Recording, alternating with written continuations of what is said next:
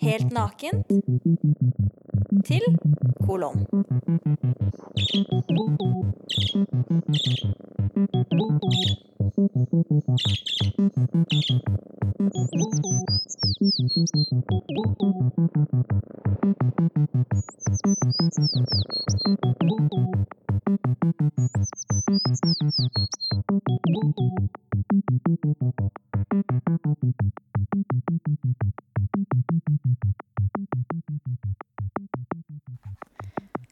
Her er en romjulsgave fra meg.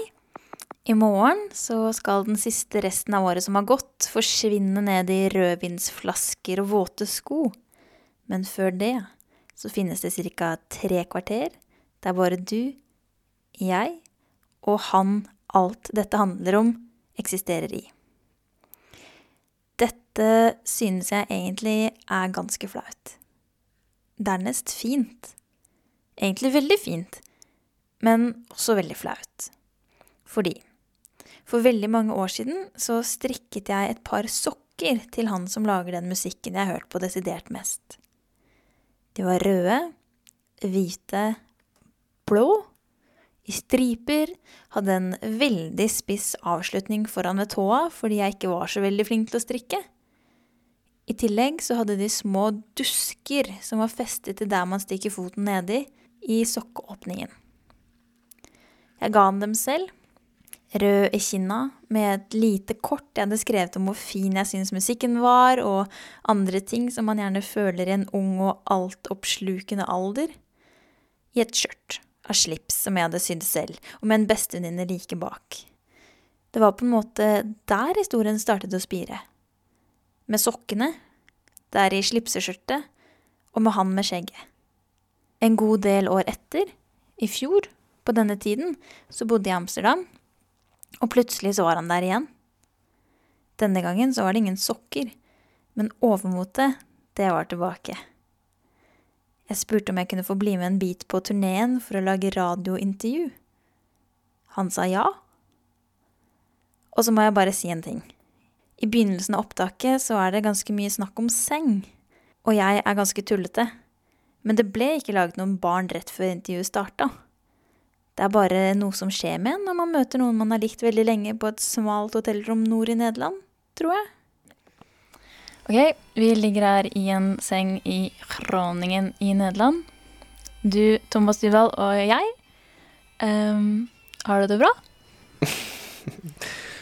ja, jeg har, det, jeg har, det, veldig bra. Det hørtes liksom mer eksotisk ut enn en det er. Men det var kanskje meningen, det. En eksotisk innledning. Ja, det er litt eksotisk med det bildet vi har over oss her i den abstrakte mm. oransje og røde fargen. Mm. Det er et nydelig hotell. Ja. Men, Men uh, ja, nei, jeg har det bra. Jeg har det bra. Jeg er på turné på en solorunde og Ja, valgte å reise rett og slett helt alene. Rett og slett for uh, det sto mellom det eller å reise med noen som jeg aldri har truffet. Og som kan jo selvfølgelig ende med grining. Så da reiser jeg alene, og så tar jeg det som en som en arbeidsøkt slash en sjanse til å få skrive litt, kanskje. Griner du ofte, da? Jeg griner ofte? Ja. Uh, nei, altså det er ikke noe jeg har liksom sånn for vane å gjøre, egentlig. Av og til når jeg hører musikk, så gjør jeg det kanskje, og av og til hvis jeg har vært vekke lenge. Så jeg savner sønnen min masse. Men nå har jeg vært vekke i to-tre dager, og det går egentlig ganske fint.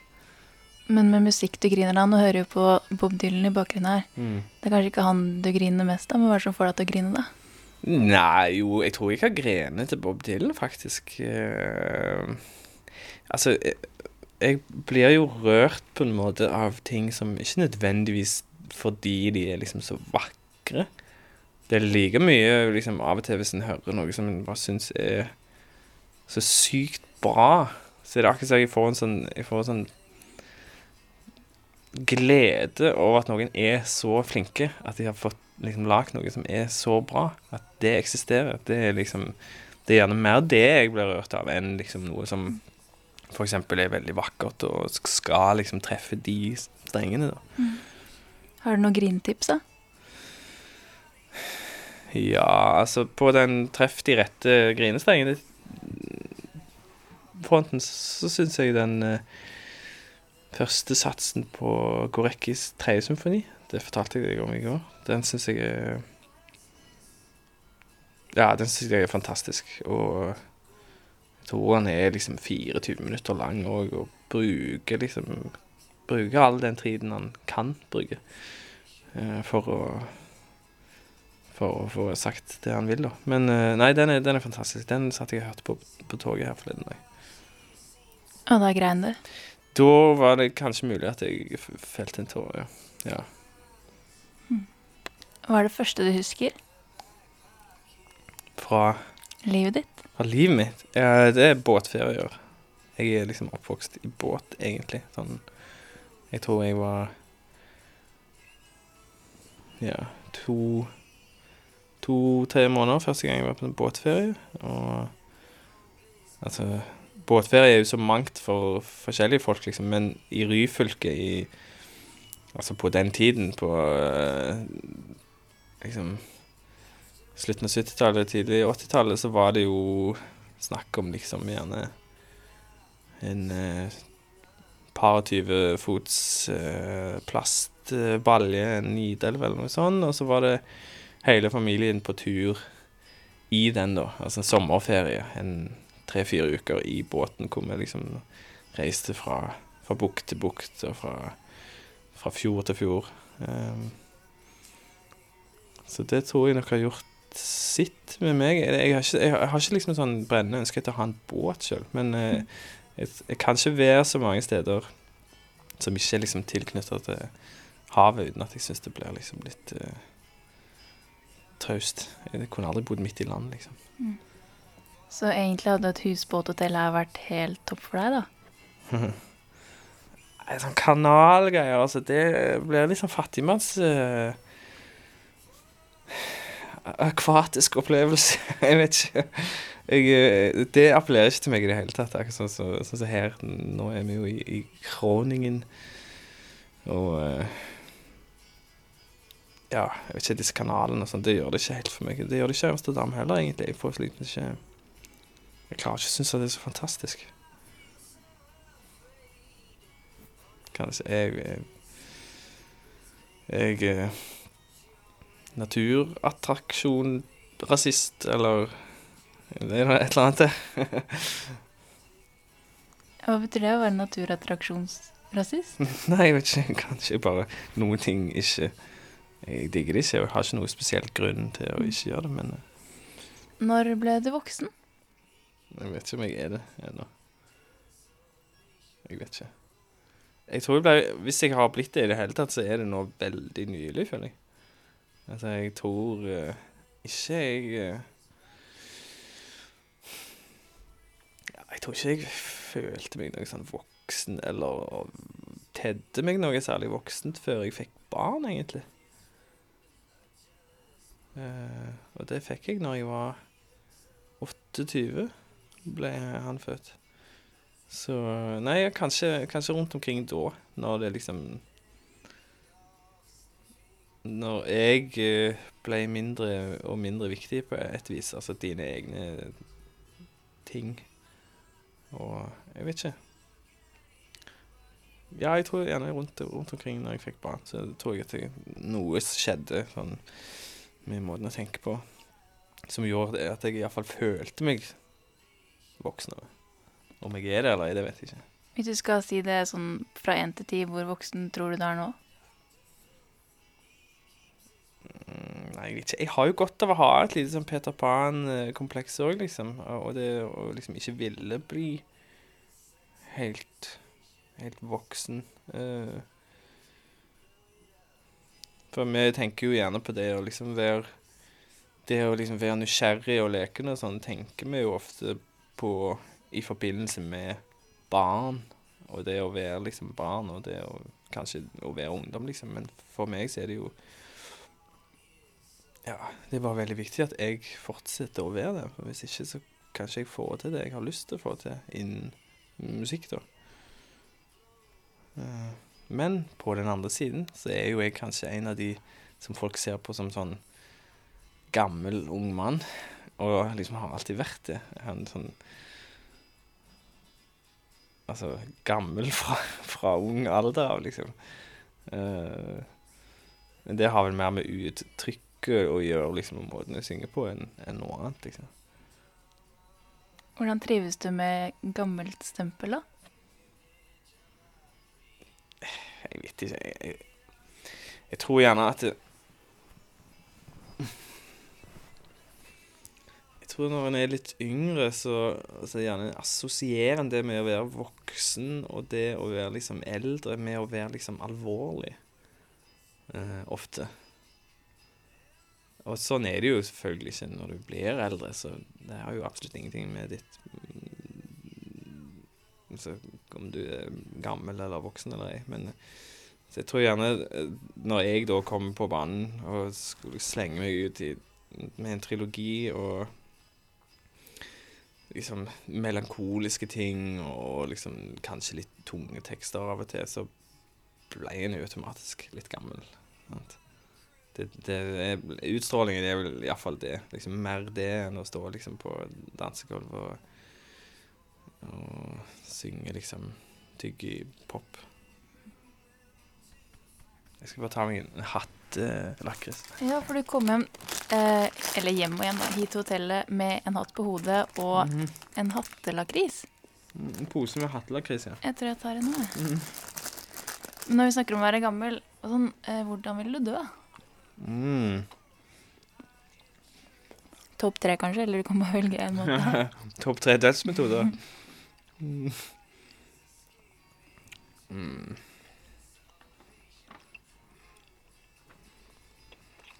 Nei, jeg vet ikke. Jeg, jeg, jeg har ikke tenkt så veldig mye på det, men jeg har jo tenkt litt på liksom at det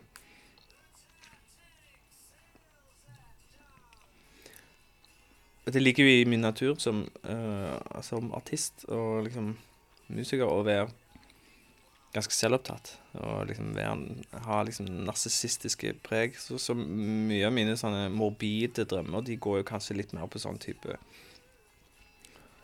Og hvis jeg dør, kommer det til å komme masse folk i begravelsen min? Liksom, kommer folk til å rei reise for å gå i begravelsen min? Sånne ting som jeg innser nå, selvfølgelig ting skal jo aldri si, for det er jo helt forferdelig. Men det, det var sånn Sånn tenker jeg av og til. Men jeg tenker jo at at på det om, altså om det å dø, så tenker jeg at uh, Jeg håper at når det skjer, at det skjer fort. Og at jeg ikke føler at jeg er midt inne i et eller annet som jeg ikke får gjort ferdig, eller liksom tenker jo liksom på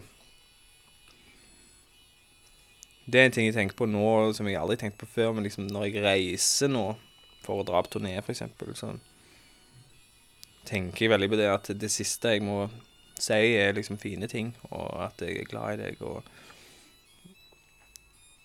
For tenk hvis jeg kreperer, liksom, og så fikk jeg ikke sagt det til liksom både konen min og sønnen min før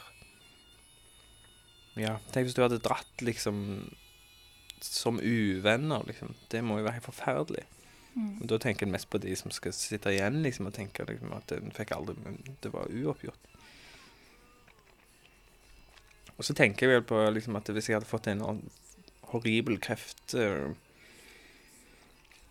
At jeg vet ikke hvor godt jeg hadde takla det. Sånn Jeg ser for meg at jeg heller ville liksom gått opp på Dalsnytten eller på Prekestolen, som jeg by the way aldri har vært på. Kanskje det hadde vært en bra anledning, men at jeg hadde gått opp der heller. Og hevet meg ut. Eh, valgt det sjøl, liksom. Mm. Morbide saker. Hvis vi fortsetter litt i det morbide, da. Så hvis du skulle hevet noen ut fra prekestolen Du kan vel, velge liksom hvem som helst i hele verden. Hvem skulle det vært? Hvem var du sinna på nok til å skulle dytte utafor stupet? Du må velge.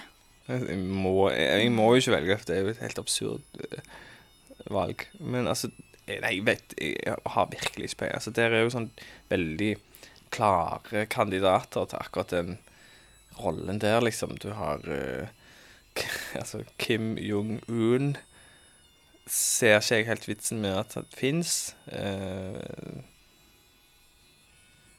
på grunn av Det er jo ingen grunn til at et land nå, liksom i 2013, skal liksom styres på den måten. Og så er det jo selvfølgelig andre opplagte valg. Eh, Mugabe og Altså, despoter og tyranner trenger en jo ikke, liksom. Men eh, det ble, ble veldig vanskelig eh, spørsmål, egentlig. Men det er veldig fint, tenker jeg, at du går på verdensfredens eh, ønske, og ikke på ditt eget egoistiske når det kommer til å ta livet av noen. jo, men jeg har ikke noen fiender sånn sett. Så jeg, liksom, jeg har ikke noen sånne erkefiender som så jeg ønsker liksom død eller tyfus uh, over. Mm. Um, hvem beundrer du litt for mye? Mm. Ja, i bakgrunnen her så hører du jo noe eh, plate Modern Times med Bob Dylan. Jeg tror kanskje jeg beundrer Bob Dylan litt vel mye, men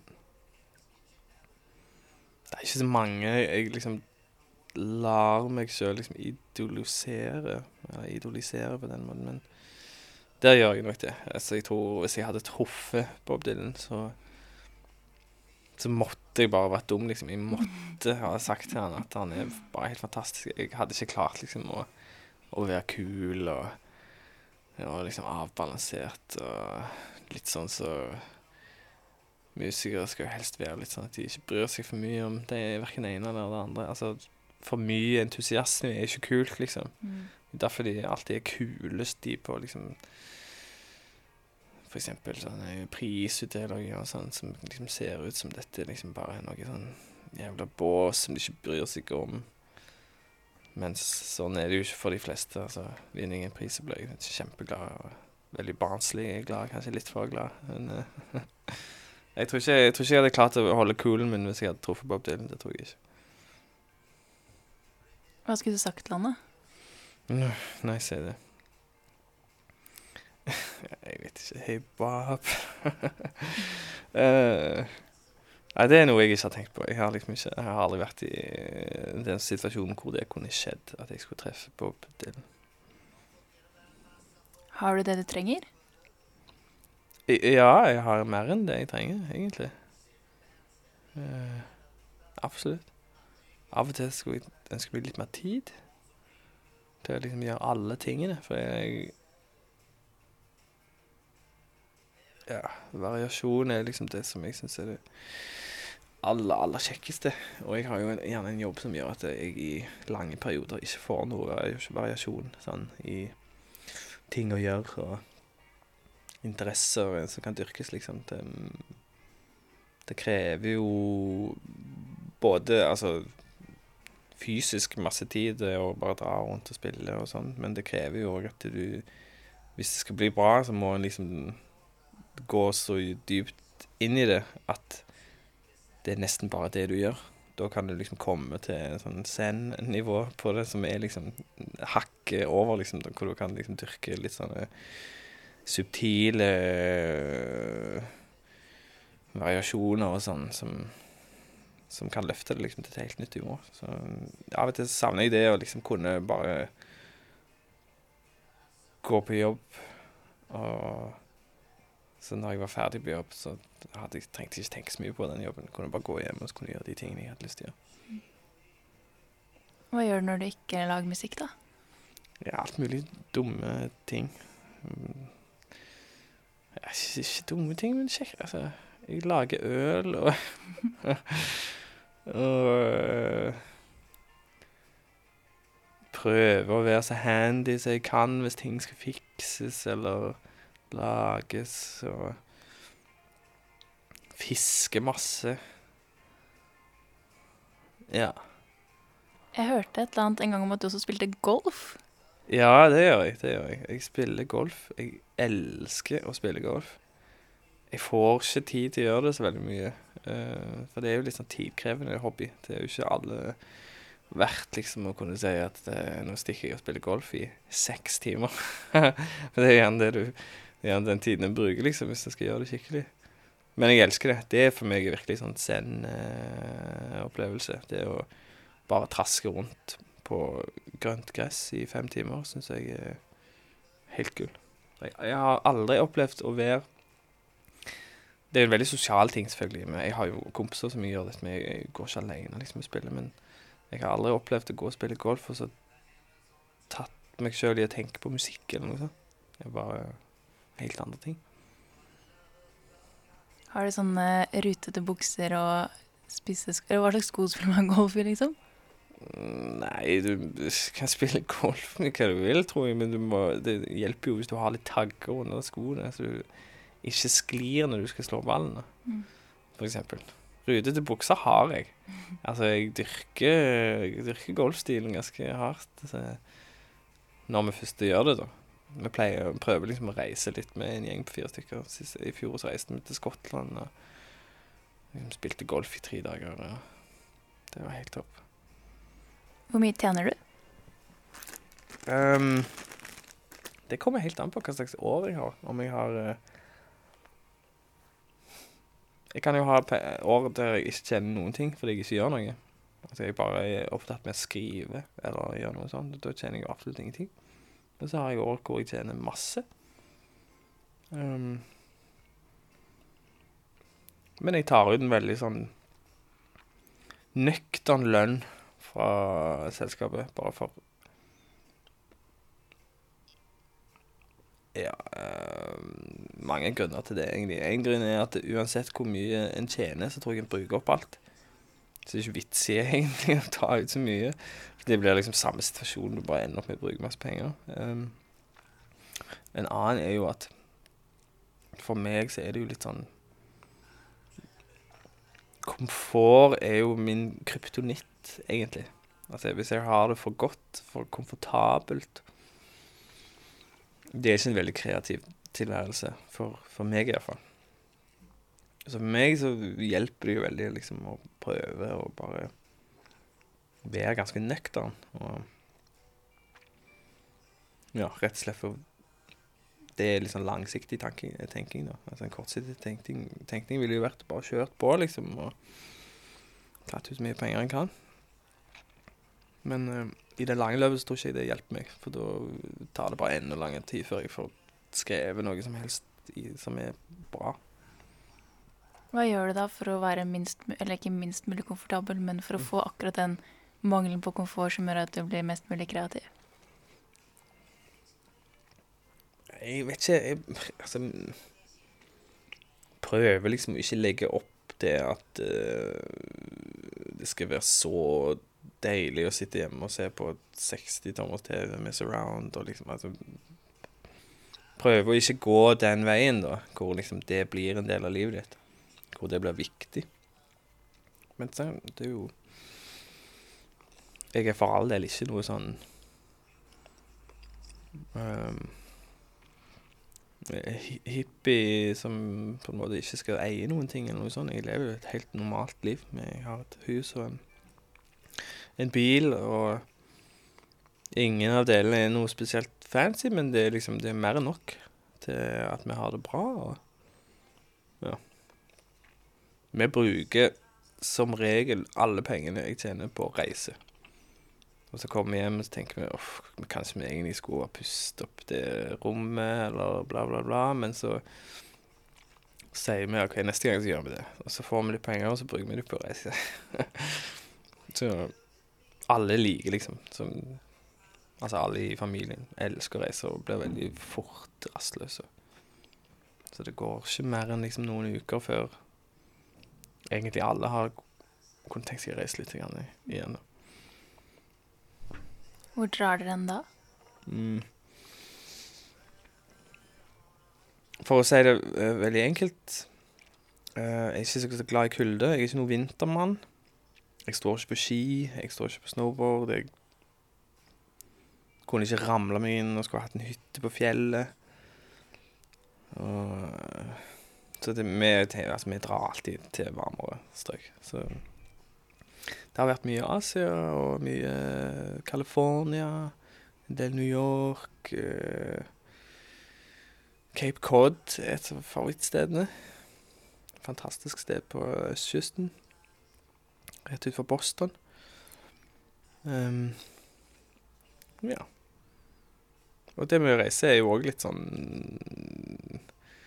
Vi reiser som regel aldri tilbake til samme stedet.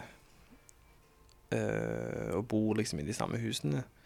For det er jo ikke vits i. Altså, det er jo litt av det deilige med altså, Hjemme eier vi jo noe, men der eier vi jo ingenting når vi reiser. Så da er det jo ikke vits i å det er ikke vits i å gjøre det. Du kan jo bare benytte anledningen du har når du ikke eier noe, til bare flytte på deg hele veien og gjøre noe nytt. Når du kommer hjem igjen, hvordan ser det ut hjemme hos deg da? Ehm, nei, som regel så har vi hatt enten kompiser eller uh, svigerbror eller noe sånt som har bodd i huset mens vi har vært vekke. Jeg har liksom noen kompiser som gjerne bor uh, sammen med noen andre i en leilighet, og så Altså Av og til er det deilig å bare bo for seg sjøl òg, så jeg pleier å spørre de om de har lyst til å bo i huset mens vi er vekke. Og da pleier det å se helt fint ut. De får jo en visse oppgave. Ting må jo se OK ut. Kjøper du inn møbler på forhånd og ber dem om å sette opp til du kommer hjem, f.eks.? Nei, men jeg ber deg om å kanskje klippe plenen en gang i annenhver uke. Liksom. Bortsett fra disse lakrishattene fra hattebutikken, hva ga du bort sist? Hva jeg ga bort sist? Uh.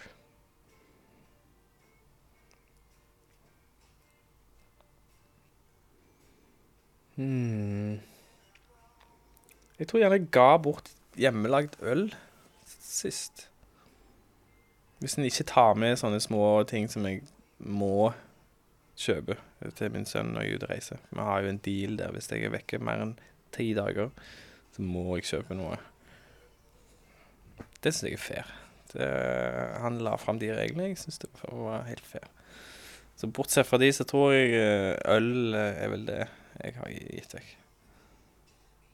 Hva har sønnen din på raideren når du er borte mer enn tre dager av gangen? da? Hva han pleier å få? Mm. Nei, hvis jeg finner noe sånn fiskerelatert, så pleier han å bli glad. Gjerne en sånn eksotisk fiskesluk, eller uh, en eller annen En eller annen ting til fiske med. Det holder i massevis, det. Han blir glad for det. Hvordan syns du det går så langt? Dette intervjuet? Ja. Er du komfortabel nok? Ja, jeg syns det er ganske deilig. Eh, Men er det rart å snakke så mye om seg selv, eller Litt ukomfortabelt kanskje ligge i senga en stund? Ja. ehm, nei, om det er ukomfortabelt å snakke om meg sjøl, det er jeg jo ganske vant til, egentlig.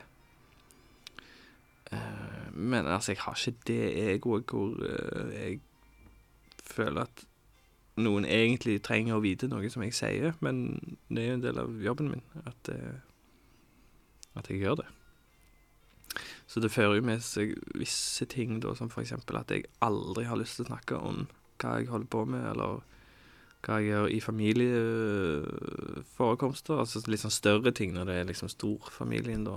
Der er brødre og, og onkler og tanter og sånn, så er jeg ikke jeg så veldig keen på å snakke om det, for jeg ser ikke helt vitsen hvorfor det skulle være mer interessant enn en han som jobber i investeringsbanken. Men sannheten er jo at for, at for de fleste så er det litt mer spennende. Uh, det kan ikke jeg noe for. Da blir jeg kanskje litt sånn avvisende på akkurat de tingene der. Men folk er jo interessert i det fordi at det ikke ligner på det som de gjør sjøl, veldig ofte. Det er sånn Gresset er jo alltid grønnere, selvfølgelig. Jeg skulle jo gjerne hørt om hverdagen til en investmentbanker, liksom. Jeg skulle gjerne visst hva det gikk ut på. En ting er hva du ikke vil snakke om, men er, hva er det du aldri får sagt selv? Eller aldri får deg til å si? Mm. Nei, jeg har liksom ingenting som jeg føler jeg har brunnet inne med, som jeg må si. Uh, nei, hvis det er noe sånn, sånne ting, så pleier jeg å skrive, eh, skrive musikk rundt det istedenfor. Jeg snakker veldig lite som en sånn privatperson hjemme og sånt. Veldig, jeg er en veldig rolig fyr, liksom. Jeg jeg Altså motsatt til, til hva folk gjerne tror om meg. Jeg er ikke noe sånn veldig sånn Jeg tror ikke jeg er en veldig sånn følsom person i den forstand jeg snakker som følelser hele veien. Jeg eh, Altså, det er jo det er veldig feigt overfor de som står meg nært, på en måte, men jeg pleier å bruke liksom de tingene mer til musikk. Sant? Så istedenfor å liksom snakke om hver minste lille ting, så går jeg kanskje og grubler på det ganske lenge, og så skriver jeg en sang om det istedenfor. Altså, så spør liksom den personen som det eventuelt da gjelder, eller handler om, spør hvorfor har du ikke sagt det, liksom, hvorfor Så mm, Ja. Det er sånn urettferdig. At det, det er kanskje liksom musikklytterne eller publikummet som får liksom den delen av meg. Det er ikke de som står meg nært, da. For der er jeg kanskje bare veldig altfor rolig, liksom. Altfor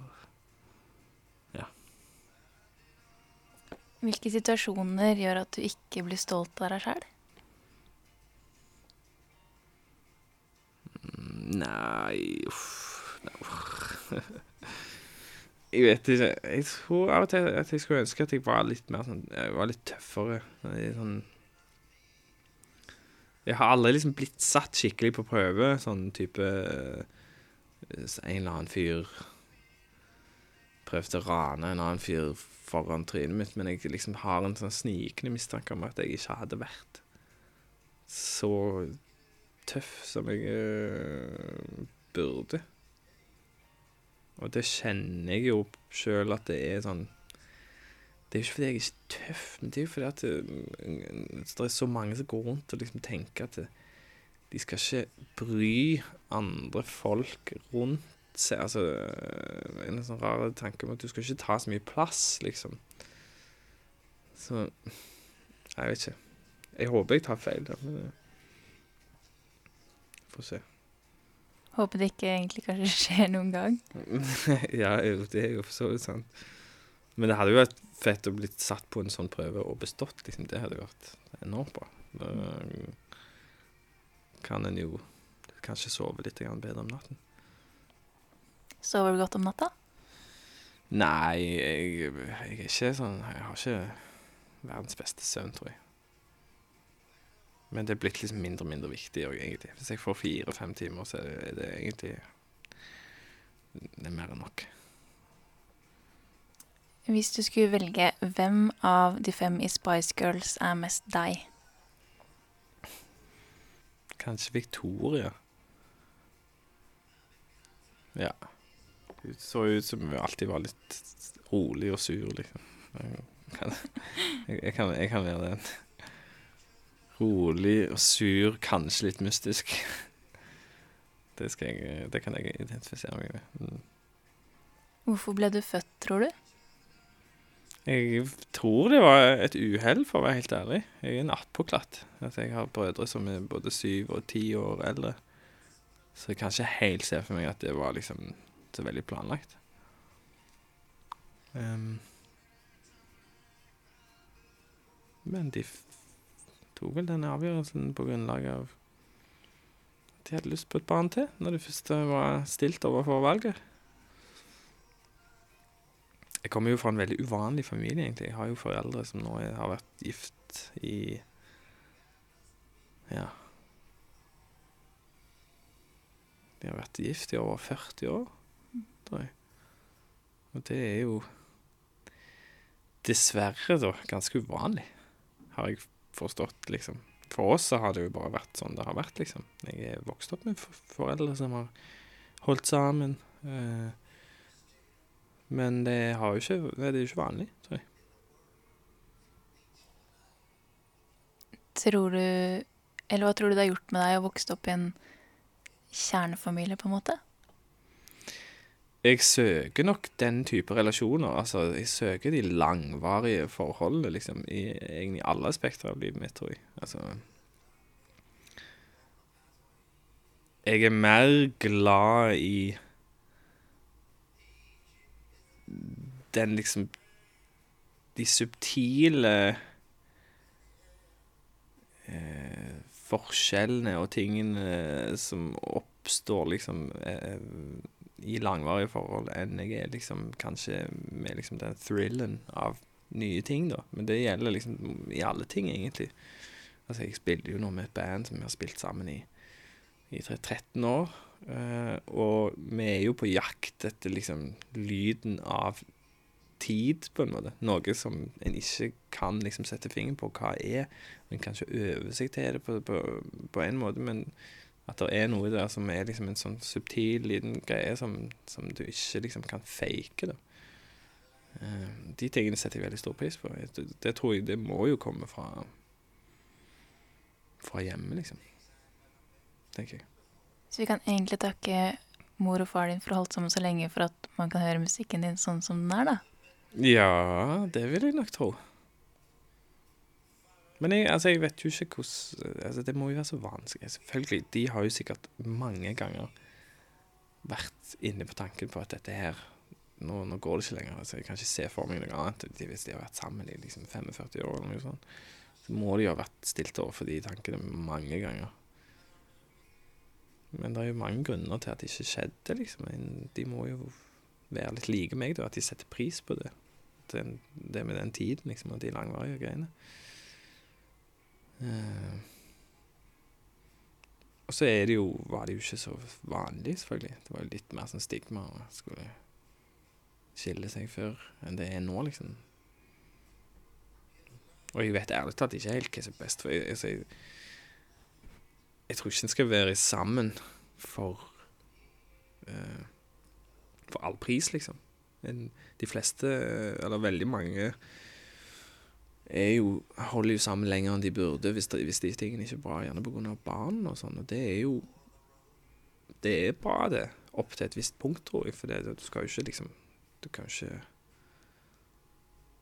kan ikke holde sammen for å holde sammen. Hvis det liksom går utover kjemien i huset, og så det er negativ ting. Så jeg tror det er veldig vanskelig for folk som er stilt overfor det. Om de er liksom folk som har barn og sånn, om de ikke har det så topp, liksom, så tror jeg det er veldig vanskelig valg å ta. Hva er best? At vi liksom kniper tennene godt sammen og liksom bare biter i oss og kommer oss gjennom det, sånn at de har liksom en fast ramme, en trygg ramme hjemme, eller at de har foreldre som er lykkelige, og som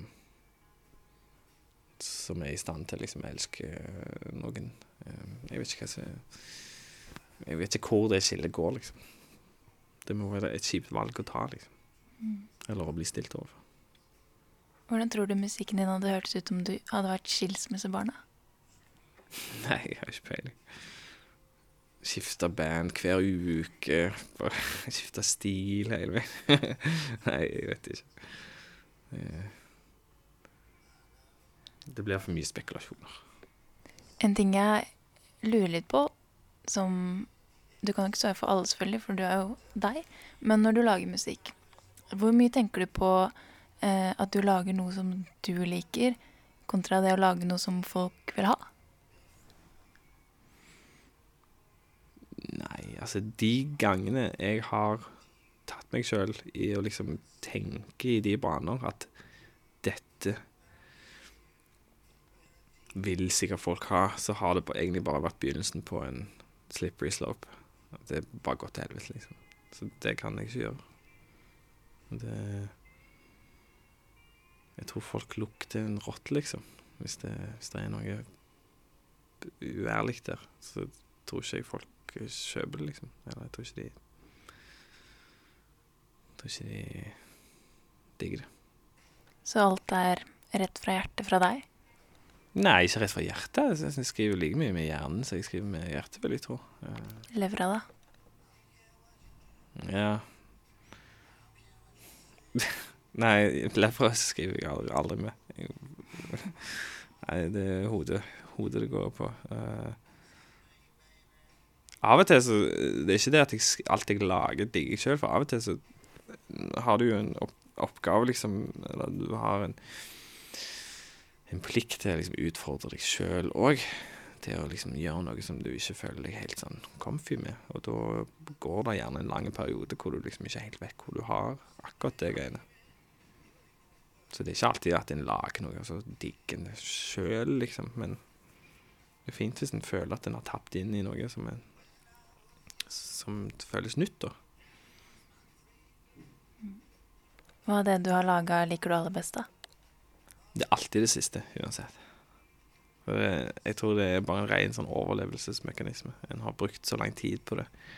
En har investert så mye i seg sjøl, eller av seg sjøl, i det, at det, liksom Så gode som vi er til å tilpasse oss ting som mennesker, så tror jeg det er en av de tilpasningsgreiene. At du vokser inn i det. Du lærer deg sjøl å digge det, og være stolt av det. Og liksom Så kan det jo godt være at det går liten, en liten tid, og så tenker du uff det var ikke så bra, liksom. Men som regel så klarer liksom Klarer kroppen å lure deg til Eller hodet å lure deg til at du er liksom fullt committa til det. da. Hvis du hadde laga noe som du var veldig stolt av selv, og så hadde du fått drittkritikk og ingen ville ha det, hva hadde du gjort da? Nei, det har jo skjedd, det, på en måte. Altså, jeg har jo Jeg jeg har jo sånn på det, på det jevne vært veldig heldig med akkurat de tingene, da. At folk har likt det, og kritikere har likt det og sånn som det. Men det er, jo- altså, det er jo for all del ikke eh, hele tiden. Det har jo skjedd mange ganger liksom at det gjerne noe jeg har vært stolt av, og så leser jeg en anmeldelse som bare er sånn Ja, dette er jo ingenting, liksom. Dette er jo bare tull. Og da Ja, jeg liker jo ikke det, selvfølgelig. Jeg syns det er kjipt. Eh, men en lærer Altså, én ting en får etter hvert Så når en er liksom i denne bransjen, det er jo bare at en får litt tykk hud, tror jeg. At en, en driter litt i hva folk sier, for folk sier jo noe hele veien. Og det er jo en del av greiene, selvfølgelig. Det, det er jo Tilværelsen din er jo helt og holdent basert på om folk liker det eller ikke, liksom. Eller har en mening om det. Så jeg får litt sånn tykk hud etter hvert, og det, og det skal liksom mer og mer til for at jeg skal bli noe sur eller lei for noen skeive ord, da. Hvor tykk hud har du, da? Jeg vet ikke. Jeg vet ikke. Kanskje det ligger fram i tiden. Jeg, kanskje hvis jeg, bare, hvis jeg går på en skikkelig smell en gang, bare lager noe helt for jævlig som ingen liker, så finner jeg jo fort ut hvor tykk hud jeg har. Hvorfor heter du det du heter? Eh, det var vel et navn de begge kunne like. Eh, eller kanskje det var så mange at det var et kompromiss. Det var det navnet som begge kunne like. Um, Dybdahl er jo min fars slekt. Det er deres navn. Eh, og mor tok hans navn. Så min mors pikenavn er Gudmundsen. Hva syns du om navnet ditt selv, da? Jeg synes det er fint, jeg. Jeg liker det øh, egentlig ganske godt. Det er litt sånn billedlig, å så er fornavnet veldig internasjonalt. Jeg har sjelden problemer med at noen ikke klarer å si det. Tegne. Være med den nederlandske uttalelsen av mitt navn. Hei, Tegne! Tegne! Ja, det må være liksom